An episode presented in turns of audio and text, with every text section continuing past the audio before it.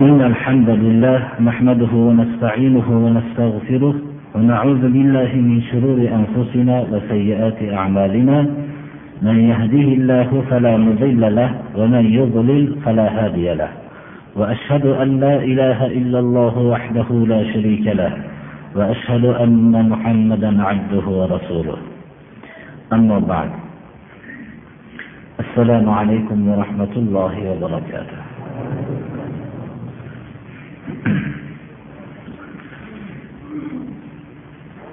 Hadis to'plamlarini yozishlikka janobi rasululloh sollallohu alayhi vasallamning hadislarini to'plashlikka birinchi bor devon qilingan davr umar ibn abdul aziz davrlari bo'ldi.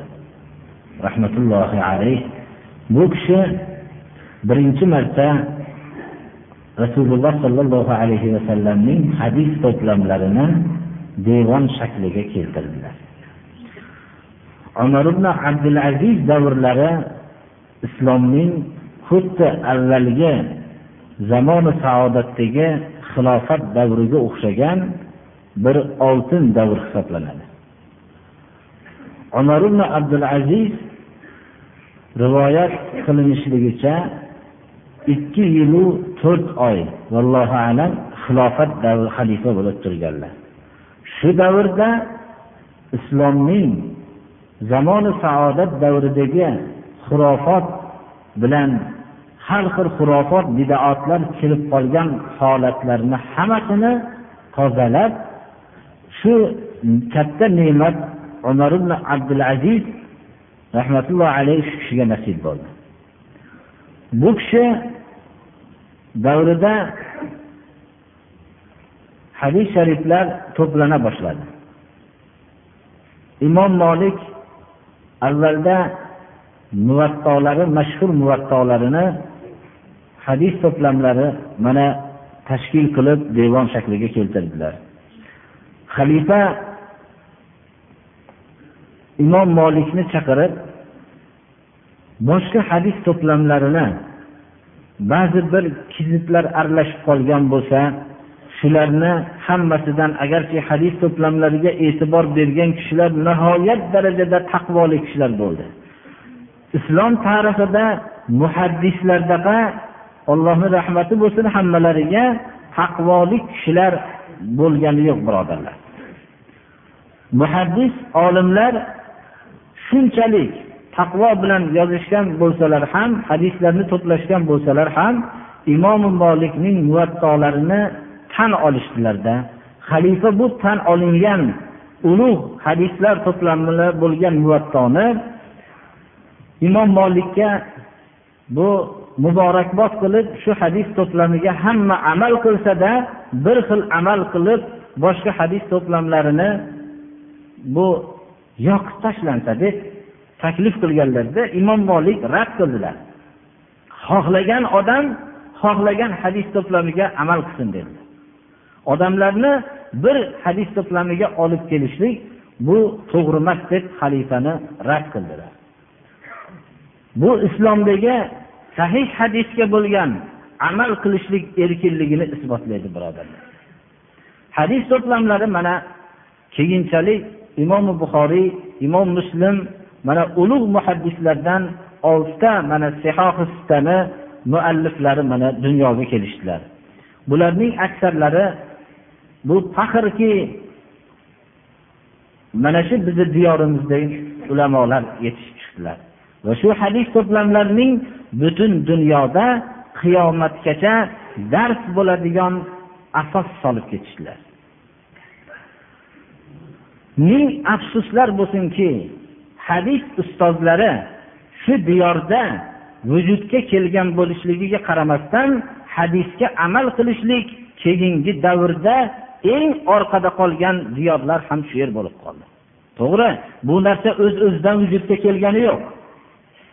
Bu narsa islomning ashaddiy dushmanlari bu yerda eng dunyoni titrata olgan ilm hamma sohada shariat sohasida mukammal ustozlarni yetishtirib chiqargan bu diyordagi har birlari islomning mukammal tushungan va hamda xalqlarning nihoyat darajada zakiy bo'lgan kishilarini oz fursat ichida qurbon qilib yo'qotib tashlashlik natijasi buni ta'siri katta bo'ldi. Ulamolar ichida sodda kishilargina va agar alloh subhanahu va taolo o'zi saqlagan kishilargina salomat qoldi. Mana bu narsa oddiy xalqning islomni haqiqatiga amal qilishlikdan chetda qoldi. Bu tazyiqlar natijasida haqiqiy islomning asosi bo'lgan kitob va sunnatga bo'lgan amal bizning diyorimizda chetlanib qoldi. Ulamolarning yo'qligidan foydalangan islom dushmanlari matbaalarning islomning ashaddiy dushmanlari matbaalarga kirib olishligi natijasida turkiy va boshqa bir kitoblarga zaif va mavzu bo'lgan zaif bo'lsa ham bir naviydi birodarlar. Mavzu ya'ni mutlaqo rasululloh sollallohu alayhi vasallamga to'qilgan hadislarni kitoblarimizga sekin asta kirgizishdi. Bu natijasida islomni odamlar haqiqiy bu hadislarni ajratib beradigan ulamolaridan ularning shahidlaridan mahrum bo'lib qolgan millat islomning haqiqatini bilmagan odamlar sekin asta mavzu hadislarni ham o'zaro rivoyat qilib yurdi. Mana bu natijasida birodarlar islomning asosiy sahih hadislarni bilmaslik bizning diyorimizda vujudga keldi. Takror aytaman bu narsa o'z öz o'zidan vujudga kelib qolgani yo'q. Ajoyib bir ulamolarning qatl qilinib yo'qotib tashlanishligi natijasida vujudga keldi. Alloh subhana va taoloning rahmati bo'lsin shu shahid bo'lgan shu ulamolarga. Shuning uchun islom dushmanlari haqiqiy islomni tushungan kishidan doim tashvishda bo'ladi birodarlar. Qur'on va hadisni mukammal bilgan kishidan doim tashvishda bo'ladi. Bu chunki islomning pok ekanligida shak shubha yo'q. Lekin bu islomni ichiga yolg'on to'qima gaplarni kiritib tashlashlik natijasida islom soxtalashadi. Qo'lbola bir islom vujudga keladi. Mana bu islomning pokiza nuriga qorong'ilik loy choplaydi shu bilan odamlar islomni xunuk shaklda ko'rishligi natijasida buni alohida ajratolmaganligidan sekin asta islomdan chetlana boshlaydi. Mana bu narsa bizni diyorimizda vujudga kelgan narsa. Xususan yoshlar hammasi islomdan chetda bo'lib ketganligining siri islom sha'niga butun islomda yo'q bo'lgan tuhmatlar yopishtirilishligi natijasida bo'ldi. Islomni doim ular islomning dushmanlari bir qora bir narsa qilib ko'rsatishgan. Shuning natijasida mana bu yerda o'tirgan hozirgi yoshlar ham hammalari bilishadilarki islomni juda boshqacha eshitishgan. Lekin birortalari islomni bilgan kishidan eshitishmagan islomning ashaddiy dushmanidan eshitgan. Islomning ashaddiy dushmani hech qachon islomni sizga maqtab chiroyli qilib ko'rsatmaydi. Men o'zimni ba'zi bir mavizalarimda shu misolni keltirganman. Agarki takror bo'lsa ham shu o'rinda keltirishlik shu o'rinli deb bilaman. Islom bir pokiza narsa edi. Islom biz va butun mavjudotni yaratgan zot tarafidan kelgan edi. Biz butun mavjudotni bizga alloh subhana va taolo bo'ysundirgan zot tarafidan kelgan edi. Bu yo'lning pok ekanligida shak shubha yo'q edi. Bu narsa alloh subhana va taolo bandalardan g'arazi yo'q edi. Alloh subhana va taolo bandalarni biror bir azoblashlik uchun yaratgan emas edi. Alloh subhana va taoloning bir ehtiyoji bo'lib bandalardan shu ehtiyojini qondirib olishlik uchun yaratgan emas edi. Alloh subhanahu va taolo o'zining yagona ma'bud bo'lishligi uchun bandalarni va butun mavjudotni yaratgan edi. Hayotdagi ibodat ikki qismni tashkil qiladi. Birinchi qism majburiy ibodat. Mavjudot hammasi. Xohlasa ham xohlamasa ham alloh subhanahu va taoloning olamdagi yaratgan qonuniyatiga bo'ysunadi. Bu qonuniyatdan zarracha ham chiqa olmaydi. Shu qonuniyat zarracha buzilgan kunda olam o'zining muvozanatini yo'qotadi va halok bo'ladi. Biz iymon keltiramiz bunga. Qiyomat haq olam o'zining muvozanatidan chiqib tamomiy olam halok bo'ladi. Yerda hayot tugaydi bir kun. Inson boshqa mavjudotdan farq qiladi. Hayvonlar ham ollohning yaratgan qonuniyatidan tashqari chiqolmaydi. Ular yemoq va o'zining jinsiy g'arizalarida va boshqa daraxtlar o'zining ma'lum bir vaqtda ko'karish va o'zini g'azonga aylanishi koinotdagi sayyoralar o'zining harakatida xil miqdorida ham bo'lsa ollohning qonuniyatidan tashqariga chiqolmaydi. Inson boshqa mavjudotdan o'zgachadir insonning hayoti ikkiga bo'linadi. Bir qismi boshqa mavjudotlar bilan sharik. U ham xohlasa ham xohlamasa ham ollohning qonuniyatida bu qismida bo'ysunadi. Bu bilan u mavjudot bilan birga majburiy ibodat ya'ni allohga sig'inishligida yashaydi. Bunda eng taqvolik mo'min ham bir eng dahriy ollohni inkor qilgan dahriy ham bir. Inson ko'zi bilan ko'radi. Xohlasa ham xohlamasa ham. Qulog'i bilan eshitadi. O'pkasi bilan nafas oladi. Qon harakatini yuragi bajaradi. Va hokazo har bir a'zo alloh subhanahu va taolo tarafidan topshirilingan vazifani inson xohlasa ham xohlamasa ham bajaradi.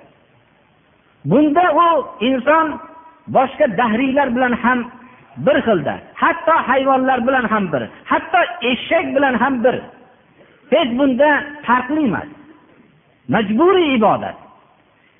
Insonning ikkinchi tarafi mana bu bilan u boshqalardan farq qiladi.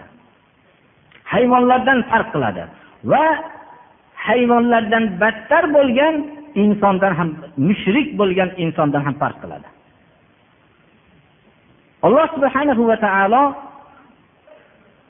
bu insonning ikkinchi tarafida ixtiyor ixtiyor bilan ibodat qilish va ixtiyor bilan ibodat qilmaslik tarafi bor. Mana bu taraf bilan inson boshqa mavjudotdan farq qiladi. Va shu bilan alloh subhana va taolo tarafidan mukarram qilingan. Olamda biror bir mavjudot yo'qki u ixtiyor bilan yashashlik huquqiga ega bo'lgan magar inson bor. Shu inson shu ixtiyori bilan alloh subhanahu va taoloning jannatiga sazovor bo'ladigan amal qilishlikka ollohning tavfiqi bilan muvaffaq bo'ladi va shu ixtiyori bilan abadiy badbaxtlik bo'lgan jahannamga shu ixtiyori bilan o'tin bo'ladi. Shuning uchun biz bilishimiz kerakki ixtiyor sababli biz mukarram bo'ldik. Alloh subhana va taolo bizga ixtiyordek ulug' ne'matni berdi. Ya'ni bir tanlab olishlik ixtiyorini berdi. Biror bir mavjudotga bermagan ne'matini berdi. Mana shuning bilan biz olloh subhanahu va taolo bizni mukarram qildi. Bani adam. Odam avlodini mukarram qildim dedi.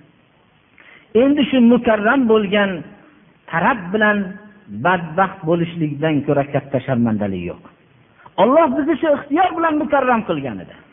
Mana shu mukarram qilgan taraf bilan badbaxt bo'lishlik jahannamga o'tin bo'lishlikdan ko'ra katta sharmandalik yo'qdir. Shu hadis to'plamlarini darsimizning avvalida ishora qilib o'tgan hadis to'plamlari bu bir o'ziga xos nomlarni o'z ichiga oldi. Keyingi hadis to'plamlaridan eng hadis imomlaridan bittasi imomi navaviy imomi navaviy o'zlarining hayotlarida nihoyat darajada boshqa muhaddislar qatori taqvo bilan hayot kechirdilar.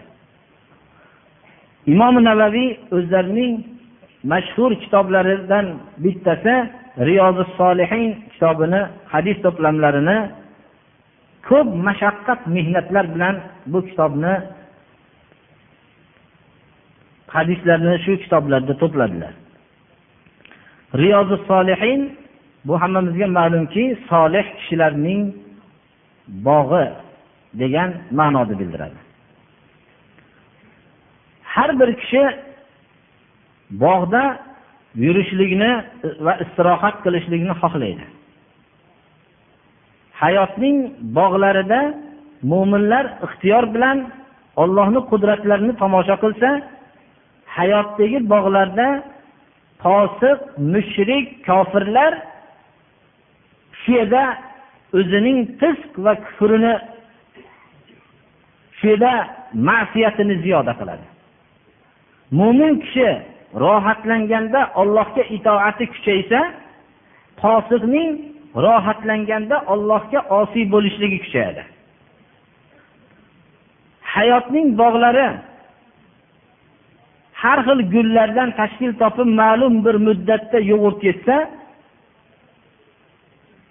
bu ma'naviy bog'larki rasululloh sollallohu alayhi vasallamning hadis to'plamlari bo'lgan mana bog' bu hech qachon gullari so'limaydigan bog'dir. Bu bog'ni hidini bilishlik uchun solih bo'lmoqlik kerak. Salohiyat ya'ni o'zining qalbida poklik vujudga kelgandan keyin bu bog'dagi hadis gullaridan o'ziga yaxshi bo'y oladi.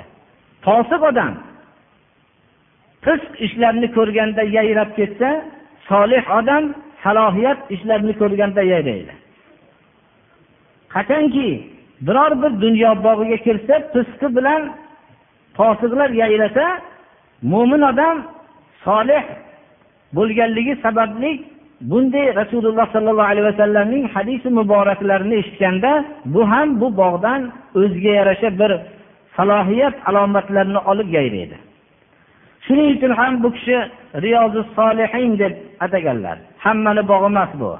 Solih odamlarni bog'i. Bu yerga faqat solih odamlar kirsagina bu bog'dan bahramand bo'ladi. Posiq odamlarga rasululloh sollallohu alayhi vasallamni hadisini o'qib bersangiz hozir bu oxiratdan boshlaydi gapni deydi. Darrov qo'rqitadi deydi. Darrov shu narsani oladi. Alloh subhanahu va taolo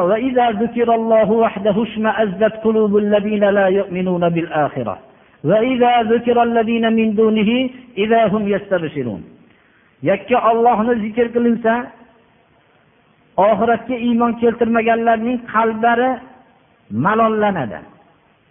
Agar ollohdan boshqani zikr qilibyuborsa bir xursandlik bo'lib yayrab ketishadi.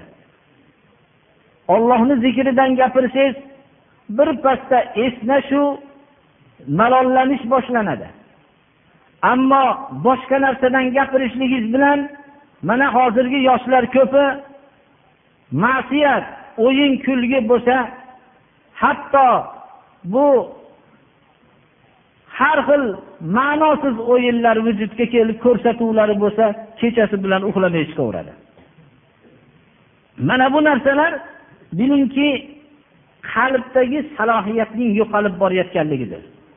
Alloh subhana va taolo qur'oni karimda mana bu voqeani bir oyat bilan ifodalab qo'ydi. Shuning uchun rasululloh sollallohu alayhi vasallam aytdilarki وإن الحرام بين وبينهما مشتبهات لا يعلمهن كثير من الناس. فمن اتقى الشبهات استبرأ لدينه وعرضه ومن وقع في الشبهات وقع في الحرام كالراعي يرعى حول الحمى يوشك أن يرتع فيه. ألا وإن لكل ملك حما ألا وإن حمى الله محارمه ألا وإن في الجسد مضغة إذا صلحت صلح الجسد كله وإذا فسدت فسد الجسد كله ألا وهي القلب muttafaqun alayh hadis sharif imom buxoriy va imom muslim jomi sahihlarda keltirganlar bu hadisni avvalidan aytamiz halol tiniq oshkordir birodarlar halol haromni ko'p odam so'raydi lekin halol tiniq narsa so'ragan odamni aksari biror bir haromga yo'l chiqib qolarmikin deb so'raydi. Halol tiniq narsa. Halol narsada odam shubha qilmaydi o'zi. Harom ham tiniq narsa. Haromligini harom ishlarni qilayotgan harom narsalarni yeyotgan odamlarni ko'rsangiz hammalari bekitib qiladi va bekitib yeydi. Bekitib ichadi. Harom aniq narsa. Hayoti bo'yicha fohishaboz bo'lib o'tgan odam fohishani oshkor qilmaydi mast qiluvchi ichimlikni ichgan odam biror bir salohiyatli odamni ko'rib qolsa bekitadi. To'ng'iz go'shtini bu harom bu narsa. Qon harom lekin faqat harom yeyotgan odamlar to'plangandagina bekitmaydi. Shuning uchun ham harom ham aniqdir. Lekin o'rtada ishtiboli narsalar bor. Buni ko'p odamlar bilmaydi mana bu ishtiboli narsalar shubhali narsalar odamni mana o'ylantiradigan narsalar shu. Bundagi qoida nima? Rasululloh sollallohu alayhi vasallam aytdilarki shubhalardan kim saqlansa dinini va obro'sini poklabdi shubha narsalardan saqlangan odamni haqiqatda dini ham toza obro'siga putur yetmaydi. Lekin shubhali narsalarni qilgan shubhali narsalar joylarda bo'lgan odamlar bu joyda bir baribir obro'siga putur yetadi. Undan tashqari shubhali narsalarga tushib qolgan odam haromga tushib qolishligi aniqdir. Xuddi bir chegara qilib qo'yilgan o'rinda atrofida o'zini hayvonlarni o'tlatib yurgan odamga o'xshaydiki u chegara qilib qo'yilgan narsa birodarlar u u darajada ichida kahrabosi bo'lgan simlar bilan tikkan simlar bilan to'silmaydi odatda. Ya'ni bu bir oddiy qilib bir chizib to'sib qo'yilgan. Bu yerda o'tlab turgan hayvon hayvon bo'lganligi uchun narigi tarafga o'tib ketaveradi. Xuddi shunga o'xshagan shubhada yurgan odam shu harom tarafga o'tib ketaveradi. Har bir podshoni ham bir to'siq joyi bo'ladi. Alloh subhana va taoloning to'sib qo'ygan joylari mana bu joy harom bu yoqqa o'tmanglar deb qo'ygan. Maqsad shu ediki hali salohiyat to'g'risida aytdik. Inson nima uchun ollohni buyruqlarini yaxshi ko'radi? Nima uchun ollohni buyruqlarini malolat bilan eshitadigan bo'lib qoladi? Qalb jasadda bir parcha go'sht bor dedilar. Agar u o'nglansa jasadning hammasi o'nglanadi. Agar bu buzilsa jasadning hammasi buziladi. Bu qalbdir dedilar. Qalb ya'ni buzilib qolgandan keyin u salohiyat bo'lgan so'zlar xohlamay qoladi. Unga fasod ma'qul bo'lib boraveradi. Shuning uchun men riyozi solihin solih kishilarning bog'iga shu yerda o'tirgan jamoani bir yetalab olib kirmoqchiman va shu yerdagi ba'zi bir gullarni ko'rsatmoqchiman rasululloh sollallohu alayhi vasallam aytdilarki anas roziyallohu anhu rivoyat qiladilar ثلاث من كن فيه وجد بهن حلاوة الإيمان أن يكون الله ورسوله أحب إليه مما سواهما وأن يحب المرء لا يحبه إلا لله وأن يكره أن يعود في الكفر بعد, إذ أن بعد أن أنقذه الله منه كما يكره أن يقذف في النار bu hadis sharif ham muttafaqun alay imom buxoriy va imom muslimning jomi sahiylarida keltirilgan. Uch narsa borki agar shu uch narsa bir kishida bo'lsa iymonning halovat lazzatini tatiydi dedilar. Har bir narsaning lazzati bo'lganga o'xshagan iymonning ham lazzati bor. Biz ko'p narsalarning lazzatini bilamiz ammo iymoniki shu bilan biz jannatga kiramiz. Iymoniki shu bilan ollohni huzurida mo'tabar bo'lganmiz. Shu iymoniki bizni hamma amalimizning maqbul bo'lishligining yagona omili shu iymondir. Shu iymonning halovati uch narsa bo'lgan kishilargagina nasibdir. Birinchisi ollohu rasuli unga boshqa hamma narsadan suyumli bo'lgan. Ollohu rasuli shunday debdi desa shu so'zni qabul qiladi shu so'zga amal qiladi. Ollohu rasuli degan so'zni eshitganda u o'zini havosini esdan chiqaradi va mahallasining fikrini esdan chiqaradi. Qarindoshlarining fikrini esdan chiqaradi. Agar qarindoshlariyu mahallasi hammasi olloh rasulini fikrida bo'lsa ular bilan birga bo'ladi. Shu narsa bo'lmaguncha iymonning halovatini tatimaydi. Iymonning halovati tatilgandan keyin dunyodagi hamma ozor unga lazzatli bo'lib qoladi. Shuning uchun sahobalar yolg'iz qolishganlarida ham baxtli bo'lib yashashganlar ular. Nima uchun? Iymonning halovatini tatishganlar. Iymonning halovatini misol olib ko'rsak ikkinchisi bu yerda uchta narsani aytilyapti. Ikkinchisi bir kishini faqat olloh uchun yaxshi ko'rsa. Olloh uchun yaxshi ko'rishlik birodarlar til bilan juda ko'p odamdan ifodalanadi. Lekin olloh uchun yaxshi ko'rishlik bu ne'matiga har kim sazovor bo'lmaydi. Abu hurayra roziyallohu anhuni oldiga bir kishi kelib sizni olloh uchun yaxshi ko'raman dedilar. Deganlarida aytdilarki bo'lmasam o'zingni mulkingga mendan ko'ra haqli emassan hozirdan boshlab dedilar. Ya'ni cho'ntagingdagi moli davlat mulking qancha bo'lsa mendan ko'ra haqli emassan mendan keyingi o'rinda turasan bo'lmasam dedilar. Deganlarida bo'lmasam men bunga tayyor emas ekanman dedi ya'ni ular munofiqlik qilishmasdi to'g'risini aytishib qo'yaveradilar men bunga hali tayyor emasman dedilar. Olloh uchun yaxshi ko'rganlar mana shu narsaga tayyorgarlik ko'rishsinlar. Bo'lib ham hozirgi davrda? Jonni qurbon qilish mumkinu lekin moli mulkniga boshqani haqliroq qilishlik bu hozir iqtisodiy buhron davrida hech qiyin bo'lsa kerak. Olloh oson qilganlargagina osondir. Va kufrga qaytishlikni olloh kufrdan qutqargandan keyin o'tga uloqtirilishlikni yomon ko'rgandek yomon ko'radi. Har qanday azobu uqubat bo'lsa kufrga qaytishlikni uni yomon ko'radi. Xuddi o'tga uloqtirilayotganligini qanday tasavvur qilsa kufrga qaytib ketishligini xayoliga keltirganda shunday dahshat oladi uni. Masalan musulmon odamni zarariga ish qilishlik bilan odam iymondan chiqadi birodarlar. Musulmon odamni zarariga ish qilgan odamni iymoni borman deb xayoliga ham keltirmasin birodarlar. Bir odam mast qiluvchi ichimlikni ichsa kofir bo'lmaydi. Ma'lum bir vaqt hadislarni zohiri iymon undan chiqib turadi. Ammo mo'min odamni zarariga ish qilgan odam alloh subhanahu va taolo buni harom qilgan. Bu odam nihoyat darajada qattiq bir jinoyatchi odamdir.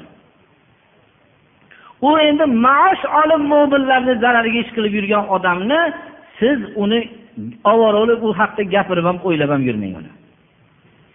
Biz iymonni halovatini tatimaymiz birodarlar. Iymonni halovatini bilmaymiz. Misoli shunga o'xshaydiki bizda uchta sifat yo'q. Uchov sifat mukammal bo'lgan vaqtda iymonni halovati bilinadi. Aksarlarimiz misoli shunga o'xshaydiki mizoji safroviy bo'lgan odam asalni lazzatini bilmaydi. O'rtada asal turibdi. Biroq nihoyatda shirin deb olaveradi. Safroviy mizoj bo'lgan odam u safroviy mizoj odam u asalni lazzatini bilmaydi. Xuddi bir ta'mi yo'q narsa yeyotganda yeyaveradi nima uchun? Unda bu dard bor kasallik bor. Shuning uchun u asalni lazzatini bilmaydi. Iymonni ham lazzati borki u uchta sifat bizga vujudga kelsa va ya'ni xulosa qilib aytganimizda dard chiqib ketgan vaqtdagina iymonni halovati bizga ma'lum bo'ladi. Abu hurayra roziyallohu anhudan rivoyat qilingan muttafaqun alayh bo'lgan hadisda payg'ambarimiz sollallohu alayhi vasallam yetti toifaga bashorat berdilar. Biz solihlar bog'inidan boshqa joyga o'tyapmiz.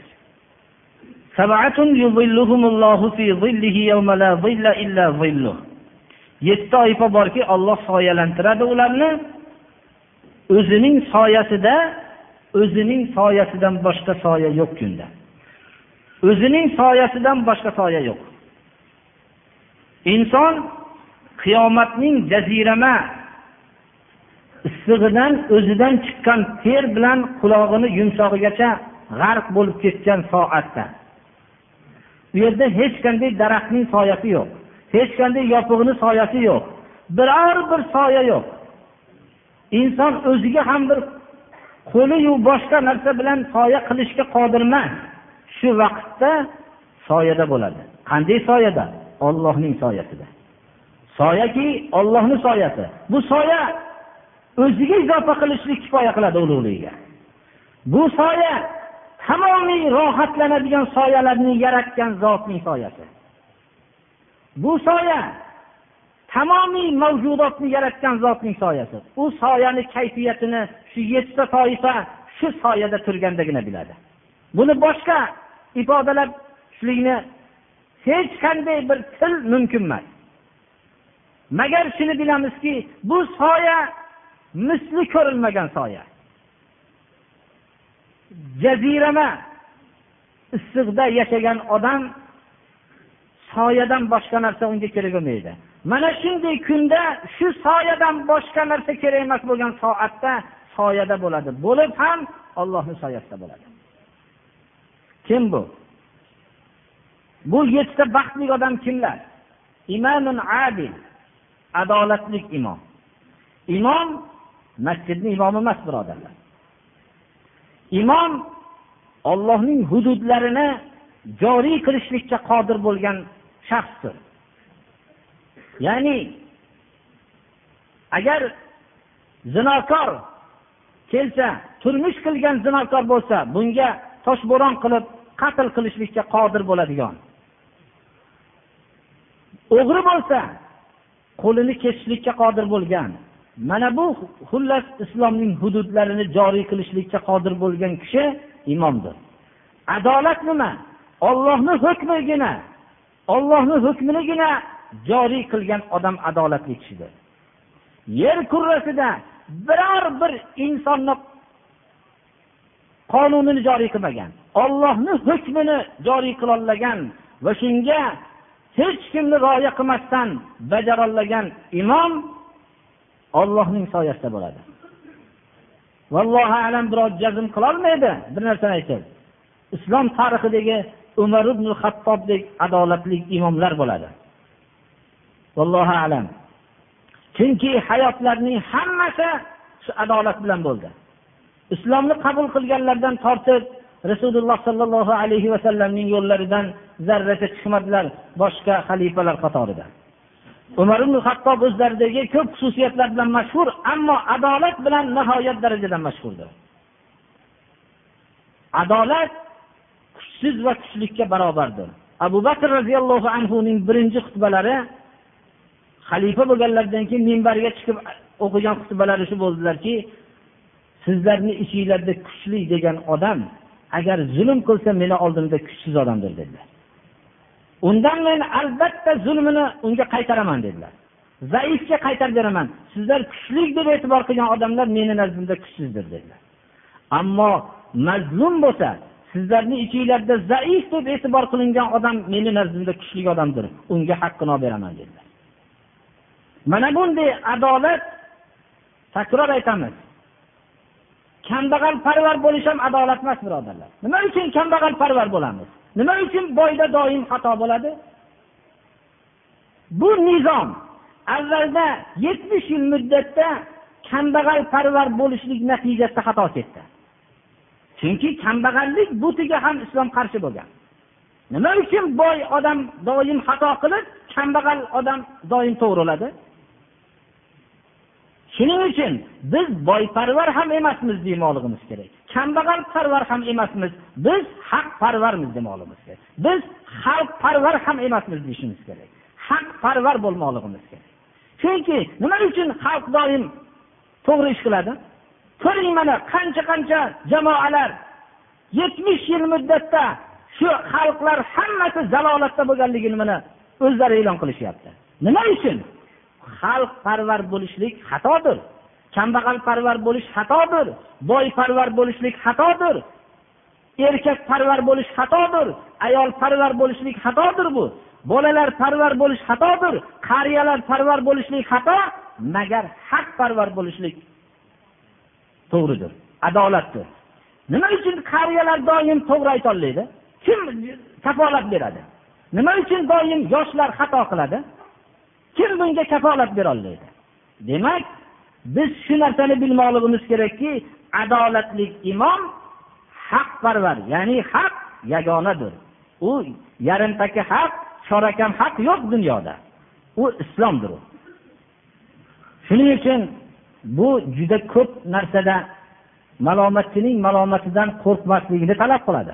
Ollohning soyasida bo'lish oson emas birodarlar. Agar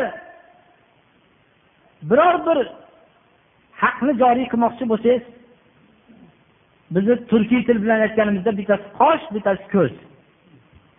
Buni rioya qilaymi? Uni rioya qilaymi? Butun umringiz qarorsizlikka o'tadi haqparvar bo'lsangiz kim bo'lishligidan qat'iy nazar men haqni joriy qilaman desangiz o'zingizga rohat berasiz qutulasiz. Hozirgi vaqtdagi qiynalayotgan ishlarning hammasini tekshirib ko'rilsa inson haqparvar adolatli bo'lmaslikdan kelib chiqadi ollohni hukmi o'zgarmas bitta. Kimga bo'lsa joriy qiladi. Qarindoshgami va hokazo bu kimga bo'lishligidan qat'iy nazar. Umar ibn hattob mana adolatlardan bitta misol shuki misr diyorini fath qilgan amr ibn osning o'g'illari kabatullohni tavof qilayotganda kichik odam emas amr ibn os nihoyatda katta bir obro'li misr diyorini fotiha hisoblanadi. O'g'li tavof qilayotganda bir qibitiy misrlik odamni qibitiy deydi. Qul bo'lib yashagan. Mumkin u tinmay o'zini islom kelishligidan ilgari. U diyorni fath qilinishligidan ilgari bir oddiy bir qul bo'lib doim bir kunda nechi marta qamchi yegandir.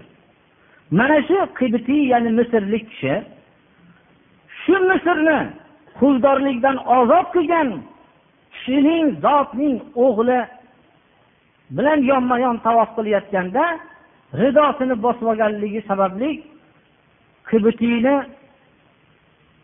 shapaloq bilan urdilarda amr ibn asning o'g'li ulug'ni o'g'lidan olgin bitta nasibangni deb shunday urdi. Qibitiy umrbod qul bo'lib kalta yelib yurgan qibitiy islomni qabul qilishlikdan ilgari bu kaltaklarni xorlik deb his qilmagan edi. Lekin islom uni qalbini ozod qilgandan keyin endi bu har qancha katta odam bo'lsa ham islom insonlarni hammasini barobar deb adolat qilgan islomdan va islom peshvolarining adolatligidan umid qilib shu bir shapaloq kimdan? Shu diyorini quldorlikdan ozod qilgan odamning o'g'lidan yegan edi. Har bir meni shapaloq bilan urgan bo'lsa ham juda ko'p qiyinchiliklardan ozod qilgan odamning farzandiyu qo'yaveray demadi. Chunki islom unga shunchalik hurriyat bergan ediki islomning adolatini shunchalik his qilgan ediki uzoq diyorda umar ibn hattobning oldiga madiniy munavvaraga jazirama issiqlarni sahrolarning nechtasini bosib o'tishlikni qiyinchilikni ham qiyinchilik demadi. Chunki ulug'vorlikni islom insonning qalbiga shunchalik kirgizgan edi. Misrdan madina tarafiga keldi.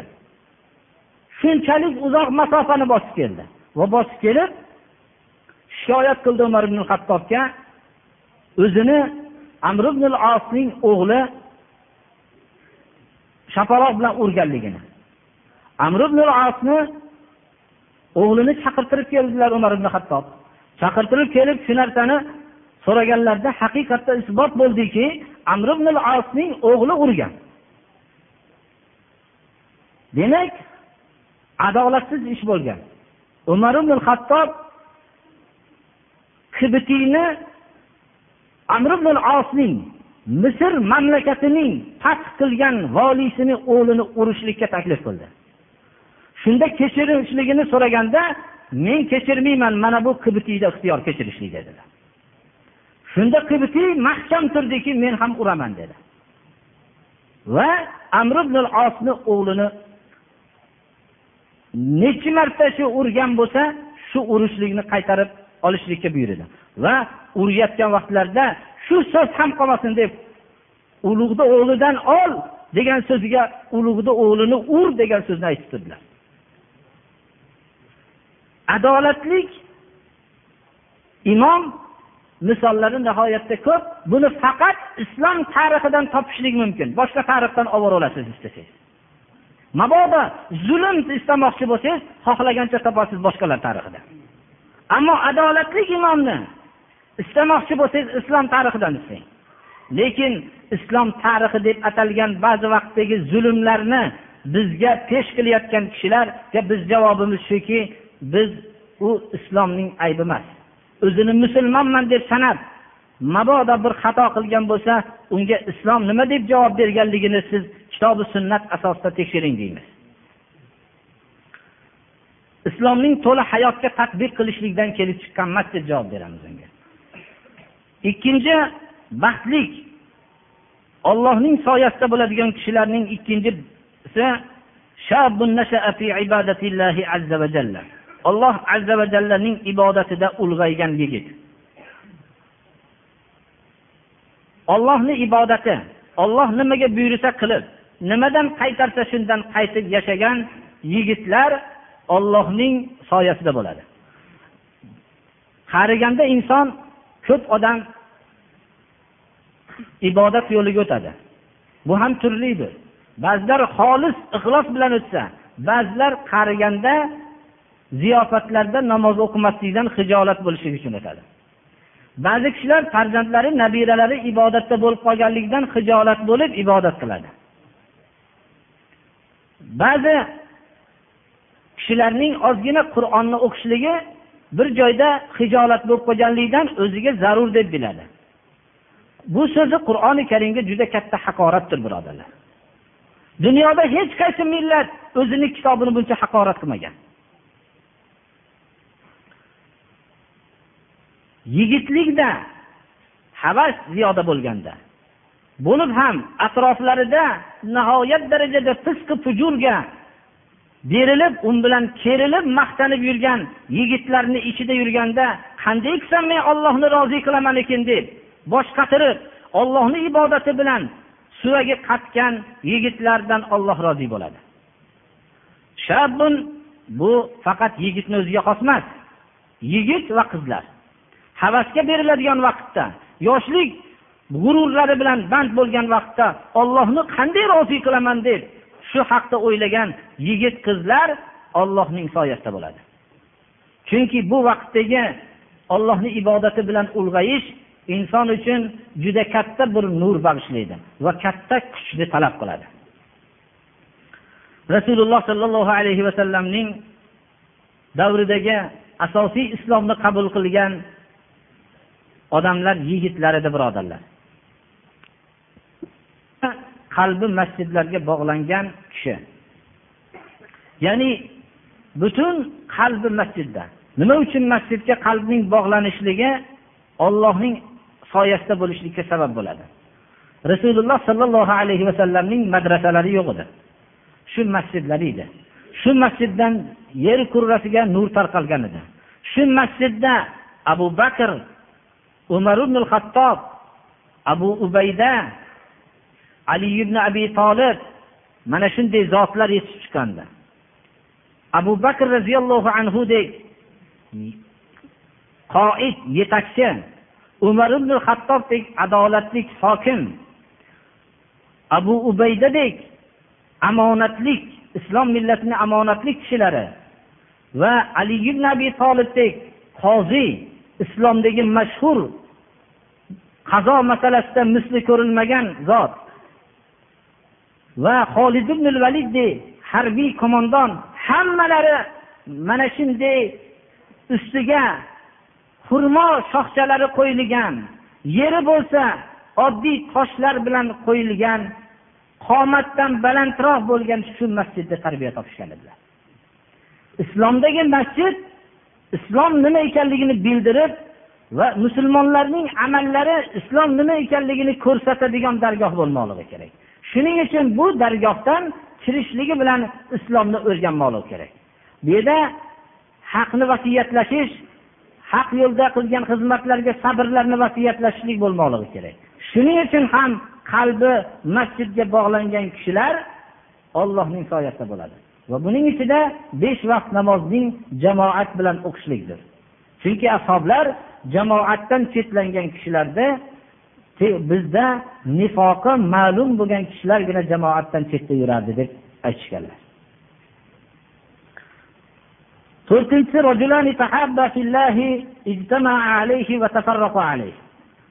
olloh yo'lida do'stlashgan ikki kishi.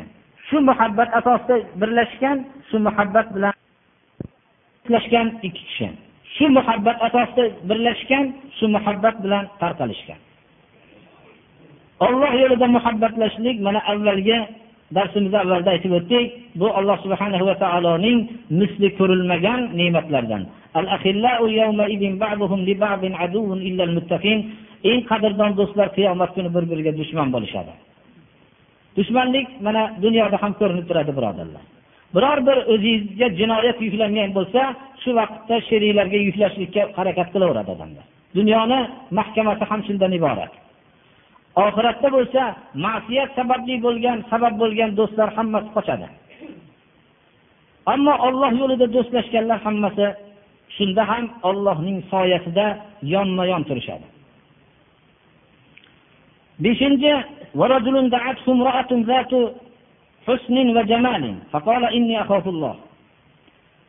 bir kishini mansablik va jamollik bir ayol buzuq ishga taklif qildi. Ya'ni er kishi taklif qilmadi. Ayol kishi taklif qildi. Ya'ni er kishi uchun shunday sharoit bo'ldi. Ham uni e'tibori yo'q ayol emas mansabi ham baland va jamollik bo'lgan ayol kishi shunchalik buzuq ishga taklif qilgan vaqtda u inni dedi. Ollohdan qo'rqaman dedi. ertaga ollohni huzuriga borganimda bu harom ishga men qanday javob beraman deb ollohdan qo'rqaman dedi kasalligi sababli yoinki mahallasida bir sharmanda bo'lishlik sababli yo boshqa sababli emas ollohdan qo'rqaman dedi mana shu kishidan ham olloh rozi bo'ladi o'zining soyasida soyalantiradi oltinchi ورجل تصدق بصدقة فأخفاها حتى لا تعلم شماله ما تنفق يمينه bir kishi bir sadaqa berdi. Uni maxfiy qildi. O'ng qo'li berganni chap qo'li sezmadi. Ya'ni nihoyatda maxfiy bo'ldi. Bu ham bu kishi ham baxtli kishilardan ollohning soyasida bo'ladi. Lekin bu narsa aytmay qo'ysangiz ma'lum bo'lmay qolaveradigan narsaga o'xshaydi. O'zingizni hayotingizda bir yaxshi yo'lga sarf qilgan butun yaxshiliklaringizni bir eslang. Shuni hech bildirmaganmisiz? Bir eslang. Bironta topolmaysiz. Hatto bilinmay qolsa odamlarni ushlab turib aytasiz. Buni hatto birov aytayotgan bo'lsa bu menga hasad qilib hammasini aytmayapti deysiz. Mana bu narsa tekshirib ko'ring. Har kim o'zini tekshirib ko'rsin. Bu narsa bir osonga o'xshaydi. Necha yillar ham bo'lsa bekitib borishlik uchun katta kuch keladi. Buni mabodo esdan chiqarib yuborishlikka harakat qilsangiz esingizga keltirolmasangiz har qancha o'ylasangiz ham shunda gapirolmay qolishligingiz mumkin. Lekin bu yerda esdan chiqarishlik ham aytilmayapti. O'zi qasd bilan maxfiy qildi. O'zidan o'zi maxfiy qilmadi. Qasd bilan maxfiy qildi. Mana bu odam ham ollohning soyasida bo'lishlikka haqiqatdan loyiqdir buni har kim o'zining hayotidagi tajribada sinab ko'rsa shunday bo'ladi. Odamlar mana misol olaylik hammamiz mana aksarlar deydi farzand ota onalari bor. Ota onalariga tek tursiz ota onalardan sekin odamlar shikoyat qila boshlaydi. Sal qo'shilib ko'zingizga yoshlar bersangiz dunyoda ota onasidan yomon odam yo'q qilib qoladi birpasda qo'shilib bersangiz nima uchun?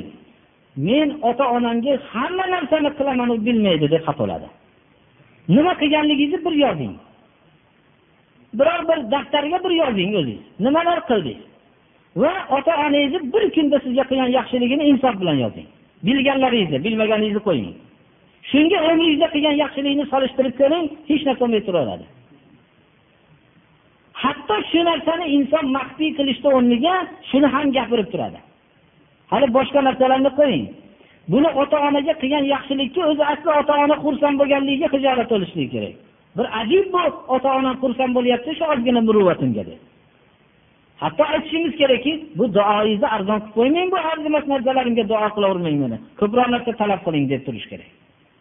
O'zi inson tekshirib qarasa haqiqatda ota onasini bilmayotganligi nihoyatda bir arzimagan narsalar bilan. Shuning uchun ham maxfiy qilishlikni qiyinligini inson o'zini hayotida tajriba qilsa alloh subhana va taolo buni sahobalarga nasib qilgan. Vallohu alam. Jarir ibn abdullohnikilar jarir ibn abdulloh bijliynikilar vallohu alam. Bu kishi bir kishida ehtiyojni sezib ikkita tuyani ustida ancha yemoq ichmoqlar bilan va yana ma'lum bir miqdordagi mablag' bilan tuyani kechasida ertalab shu muhtoj odamnikiga yetalab borib eshikni taqillatdilar. Shunda u taqillatgan vaqtda chiroq ko'tarib chiqdilar. Uydagacha chiroq ko'tarib chiqqan vaqtlarida chirog'ingni o'chir dedilar. Kimsan dedilar chirog'ingni o'chir keyin aytaman dedilar. Chiroqni o'chirdilar. O'chirganlarida eshikni ochgin dedilarda ochgandagi tuya kirib ketdi ketaverdilar. Bu kishini jarir ibn abdullohni shu ishni qilganliklari ma'lum bo'lgan emas birodarlar. Lekin rasululloh sollallohu alayhi vasallam orqali ma'lum bo'lgan. Maxfiy qilishlik sahobalarga nasib bo'lgan. Abu bakr roziyallohu anhu xalifalik davrlarida umar ibn hattob doim abu bakr roziyallohu anhu bilan musobaqa o'ynar ekanlar. Musobaqa o'ynayapti o'ynar ekanlar deganda sizlar qalbinglarda izohlamasak bo'lmaydi. Bizni tarafimizda birodarlar dunyo topishda musobaqa bo'ladi. Sayyoralarda yaxshisini olishlikda musobaqa bo'ladi. Liboslarda musobaqa bo'ladi. Va hamda katta to'ylar qilishda musobaqa bo'ladi. Ular unaqa sohada emas.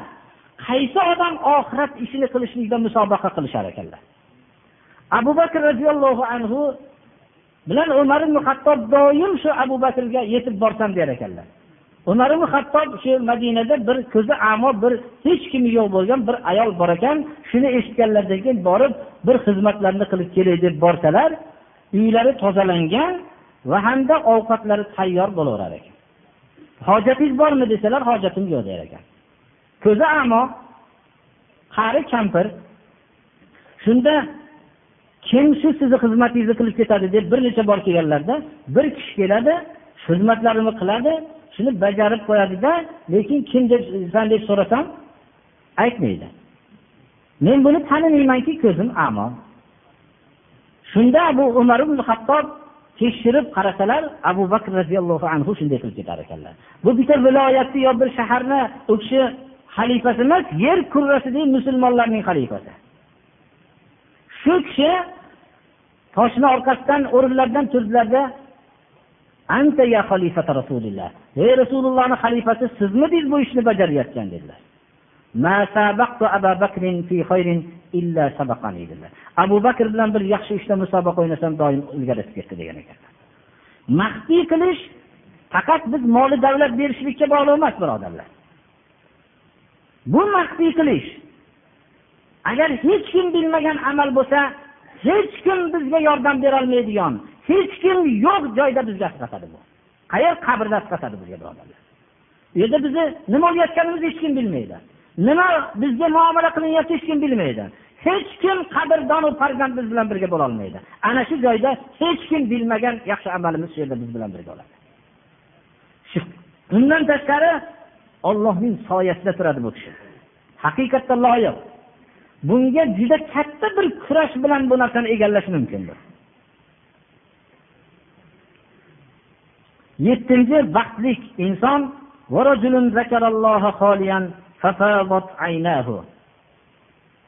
ollohni xoli holatda zikr qildi. Ollohni rahmatlarini esga olib umid qildi. Ollohni azoblarini qur'ondan bilib buni esiga tushdi. Qo'rqdi rahmatini umid qilib yig'ladi. Vaididan qo'rqib yig'ladi. Lekin xoli holatda hech kim yo'q edi. Mana shu odam ham ollohning soyasida bo'ladi. Chunki bu ollohdan qo'rqqan odamlar turadigan joydir bu. Shuning uchun ham biz ollohni zikri bo'lganda yig'laymiz. Lekin birovni oldida yig'lashlik bu baribir riyoga ehtimoli bo'lib qoladi. Olloh saqlaganlargina mustasno bundan. Shuning uchun bu qalbida xoli holatda ko'zidan nam ketsa yig'i ko'p bo'lganki ko'zi oqib ketadigan darajada yig'lagan. Ko'z yoshiga nisbatlanmayapti. Ko'p masalan bir dahshatni ko'rganda insonni yig'isi o'zini to'xtatolmaydi. Ollohni azobini ko'rgandek shunday rahmatlarini ko'rgandek shunday yig'laganki ko'zi o'zini oqib ketadigan darajada bo'lib qolgan. Mana shu odam ollohni soyasida bo'ladi. Bunday qalb pok qalb bo'ladi. Bunday qalb egasi o'zining hayot yo'nalishida ollohni ibodatiga nihoyatda to'g'ri yo'naladi. Bunday qalb egasi birovga zulm qilmaydi. Bunday qalb egasi tama bo'lmaydi uni qalbida bunday qalb egasi ollohni rahmatini umid qilolmagan va azobidan qo'rqolmagan riyo qilmagan shaxs bo'ladi. Bunday qalb egasi ollohning soyasida bo'lishlikka loyiqdir birodarlar. Solih odamlarning bog'idan biz bir ikkita uchta gulni yoniga bordik xolos birodarlar. Mana shu olloh rozi bo'lsin haqiqatda ham bu buni yaxshi gulligini buni hayotdagi ko'rgazmalarga qo'yilganda avvalgi o'rinda oladigan gul ekanligini solih odamlargina biladi. Agar bir joyda bir istirohat bog'i bor desa uyi shunga yaqin bo'lsa odam juda ko'p faxrlanadi. Meni uyim istirohat bog'ida bor yonida deb. Bu bog'ni yonida deb. Hadis ilmini bilgan odamning bog'i doim o'zi bilan birgadir. Bu bog'i kitobi bor odamlar yonida bir yaxshi bog' bo'lib umrida shu bog'ga bir kirishda hayoliga ham keltirmay yurganga o'xshagandir birodarlar. Alloh subhanahu va taoloning marhamati bilan rasululloh sollallohu alayhi vasallamning hadisi muboraklari mana qiyomatgacha saqlanib qoldi. O'zi haqiqiy ulamolarni barakoti bilan bu bog'larni bizga qo'yib ketishlar bu bog'larga kirishlik ixtiyorini bizga berdi. Mana har kim xohlasa mana bu bog'ga kirib foydalanib qolmoqligi kerak. Vaqt oz qolibdi savollarga javob berib qo'yamiz inshaalloh. Tipratikan va ko'rma ilonlarda ko'p kasallarga davo deb iste'mol qilishadi. Shu haqida nima deysiz degan. Biz ko'p aytdik bu narsalar haqida. Seni odamlar davo deb hech narsani qo'yishmayapti. Bu davo deb hamma narsani bizga alloh taolo halol narsalarda davo qilgan. Harom narsalarda sizlarga davo qilmadi deydi. Biz ba'zi narsalar hayotdan ketadigan. Demak bu biz halol bo'lgan narsalarni iste'mol qilsak shu bizga davo beradi birodarlar bu haqda juda ko'p narsani bu tabobat ham aralashib ketdi birodarlar. Hamma tiriklikka o'tib ketdida. Meni birodar bir savol beribdi ya'ni qon chiqsa tahorat ketishlik haqida bo'lgan masalaga biz juda ko'p javob berganmiz birodarlar. Kengaytirib mana juma namozlarida ham javob berdik. Endi birodarlar bu yerda bir savol bo'lyaptiki birovni birov chaqirsa uyda yo'q bo'lsa deyapti. Uyda boru e, shu ko'chaga chiqibdi deb qo'yaver desa o'g'li yoki ayoli yo jiyani shu aytib qo'yilgan odam nima deyish kerak shu gapni qaytarib qo'yaverish kerakmi dedilar buni javobi shuki endi bir odam uyda yo'q bo'lsa yo'q deyish kerak. Bor bo'lsa bor deyishlik kerak. Endi mabodo shunga bir xatar shunga o'xshagan narsa bo'lsa mumkin uni bu hayotni saqlash shunaqa uchun bo'lsa. Ba'zi odam aytadi men rostini gapiraman. Nima olloh hukm qilsa qilsin deydi.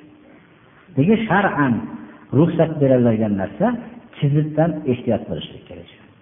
Bolalarni bunaqa demaslik kerak. Chiqib meni vaqtim yo'q deb qo'yishlik kerak qodir bo'lsa. Hammasidan yaxshi javob shu bo'ladi.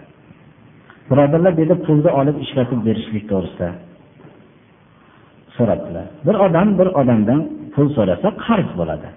Qarzni to'g'ri qaytarib berishlik bo'lsa mumkin bo'ladi. Yo'q shuni foydasi bilan qaytarib berasan desa ribo bo'ladi. Yoinki shu pulni qaysi bir narsani shariat man qilgan bo'lsa shuni muqobilasida bir narsaga ruxsat bergan. Masalan bir kishi bir pulni bersa sheriklikka bersa foyda zarar sherik bo'ladi. Bu ruxsatlanadi tajviddan bexabar imomga iqtido qilsa bo'ladimi desa harflarni joyidan chiqarmasdan harfni namoz buziladigan darajada qiroat qilib qo'ysa endi namoz buzilib qolsa iqtido qilib bo'lmaydi. Qarindosh ayol bilan qo'l berib so'rashlik riyomi deb so'rayapti. Riyo degan gapda aytilmaydiyu. Qarindosh deb kim aytmoqchi ekan? Agar mahram bo'lishi kerak. Shariatda mahram bo'lgan ayol bilan shu salomlashadi. Mahram bo'lgan bilan. Qo'l berib ko'rishishlik masalan shar'an buni masalan yaxshi emas bo'lishi ko'rishmayotgan salomlashib qo'yaveradi. Yana bir kishi aytyaptiki tahajjud duosini o'rindan turgandan keyin o'qiydimi yo tahorat qilib bu savol bir to'g'ri emas tahajjuddagi duolar namozni ichida o'qilinadi birodarlar. Shuni tahorat qilayotganda ham o'qimaydi namoz tashlashdan o'qimaydi. Tahajjud degan namozdagi duolarni tahajjudni ichida o'qilinadi. Qo'lni belga ushlab tursa nima bo'ladi debdi? Qo'lni belga ushlab turishlik birodarlar imom buxoriyda oysha onamizdan rivoyat qilingan hadisda durustmas deyilgan. Ba'zi shunaqa savollarga javob berilsa ko'p mana bu moddiy falsafa bilan ko'p yashaganligimiz ta'sirida ba'zi odamlar endi bu kichkina narsalarni nimaga endi bunchalik nima qilinadi? Shariat hukmlari kichkina deyilmaydi. Shariat hukmi kim tarafidan buyurilayotganligiga qaraladi.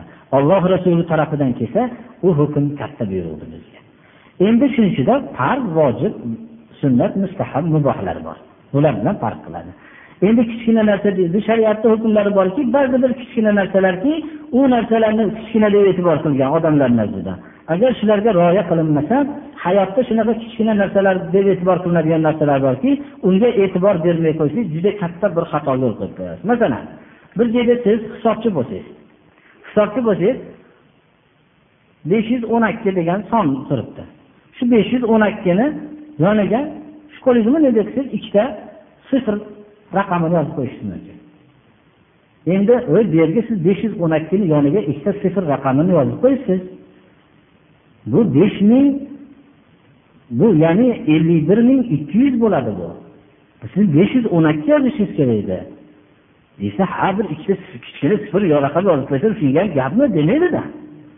Ha bu ellik bir ming ikki yuz bo'lib ketdi bu besh yuz o'n ikkini bilan ellik bir ming ikki yuzni o'rtasida nima farq bor degan odamni qo'lidan yetalab asab kasalxonasiga olib borib qo'yadi. To'g'rimi? Demak islomda shunday kichkina buyruqlar borki inson shunga o'zini chiniqtirishi kerak. Chiniqtirganda hayotdagi haligi kichkina buyruqlar borki hayotni izdan chiqarib yuboradi. Ana shu buyruqlarda ehtiyot bo'lishlikka odatlanadi.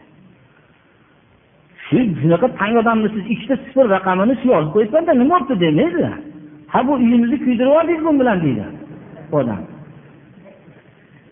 Shuning uchun islomda doim ba'zi buyruqlar borki shunday namozda turishlikda ko'zni bu yerga tashlab tursin bunaqa deganlar insonni hayotdagi hamma amallarda ba'zi o'rinda ko'zini bir marta ham yummay turishlik kerak bo'ladigan o'rinlar bo'ladi shuning uchun musulmon kishining namozi uni hamma yaxshilikka chorlaydi.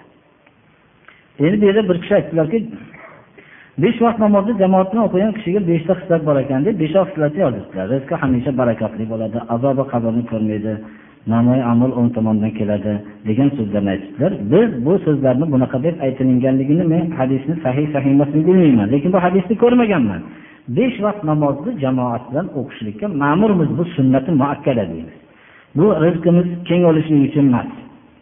Yoinki biz buydagi ko'rsatilgan narsalar uchungina qilmaymiz. Biz namozni jamoat bilan alloh subhanahu va taoloni mana rasuli bizni shu jamoat bilan o'qishlikka buyurgan deymiz. Islom muhitga bo'ysunadimi? Muhit islomga bo'ysunadimi dedilar. Ya'ni islom qiyomatgacha bo'lgan muhitga javob aytgan. Islomga muhit bo'ysunadi. Islom bir o'ylashmasinki odamlar o'zlarini tuzgan qonunlar tez tez o'zgarib turganga qaraganda. Islom bir harakiy bir nizomdir. Masalan o'zgarmas nizomdir. Misol aytaylikki katta sayyoralar yulduzlar turkumi har qancha katta maydonda egallagan lekin bir xil harakatdan tashqariga chiqmaydi. Bu degan so'z maydoni torib qoldi bir xil harakat bilan degan emas tamsil joyida shunchalik bir xil o'zgarmas qonun shunchalik katta maydonga sig'a olgan. Qiyomatgacha shu maydonni o'zgarmasligi qonuniyatni o'zgarmasligi insonlarning salohiyati uchun bo'lgan. Islomni qonuni ham buni zarracha o'zgaradigan bo'lsa bu insonlarning ma'naviy halokati bo'ladi albatta. Ho'p bu ayol kishini o'zini turmush o'rtog'idan javob so'ramasdan bir joyga ketishligi mumkin emas shu haqda savol bo'lgan ekan.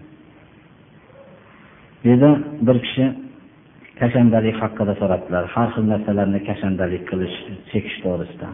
Albatta payg'ambarimiz sollallohu alayhi vasallam aytdilarki kim sarimsoq va xompiyoq yegan bo'lsa bizni masjidlarimizga yaqinlashmasin dedilar. Magar yeyishlikdan chorasi yo'q bo'lsa uni deganlar ya'ni pishirib yesin deganlar. Shuning uchun ovqatlarimizga piyoz solamiz pishirganimiz uchun. Pishirib yesin dedilar. Demak sarimsoq bilan piyozni hidi shunchalik. Masjidlarda maloikalar ko'p bo'ladi ular ozorlanar ekan. Shuning uchun tashanda bo'lgan odamdan maloikalar ozorlanadi. Mabodo bir odam men bilan biror vaqtdan maloika yurmasin desa kashandalik qilsa shu maqsadiga yetadi hop ba'zi kishilar duo qiling debdilar alloh subhanahu va taolo hammamizni haq yo'lda barqaror qilsin. Alloh subhanahu va taolo shu darsimizni davom qilsin. Alloh subhanahu va taolo islomga yordam berayotganlarga yordam bersin. Islomga zarar yetkazayotganlarga alloh kifoya qilsin. Alloh subhanahu va taolo sunnat yo'liga yo'llasin hammamizni ham. Bid'at yo'llaridan alloh taolo o'zimizni salomat qilsin boshqa musulmonlarni ham salomat qilsin. Gunohlarimizni mag'firat qilsin ibodatlarimizni qabul qilsin.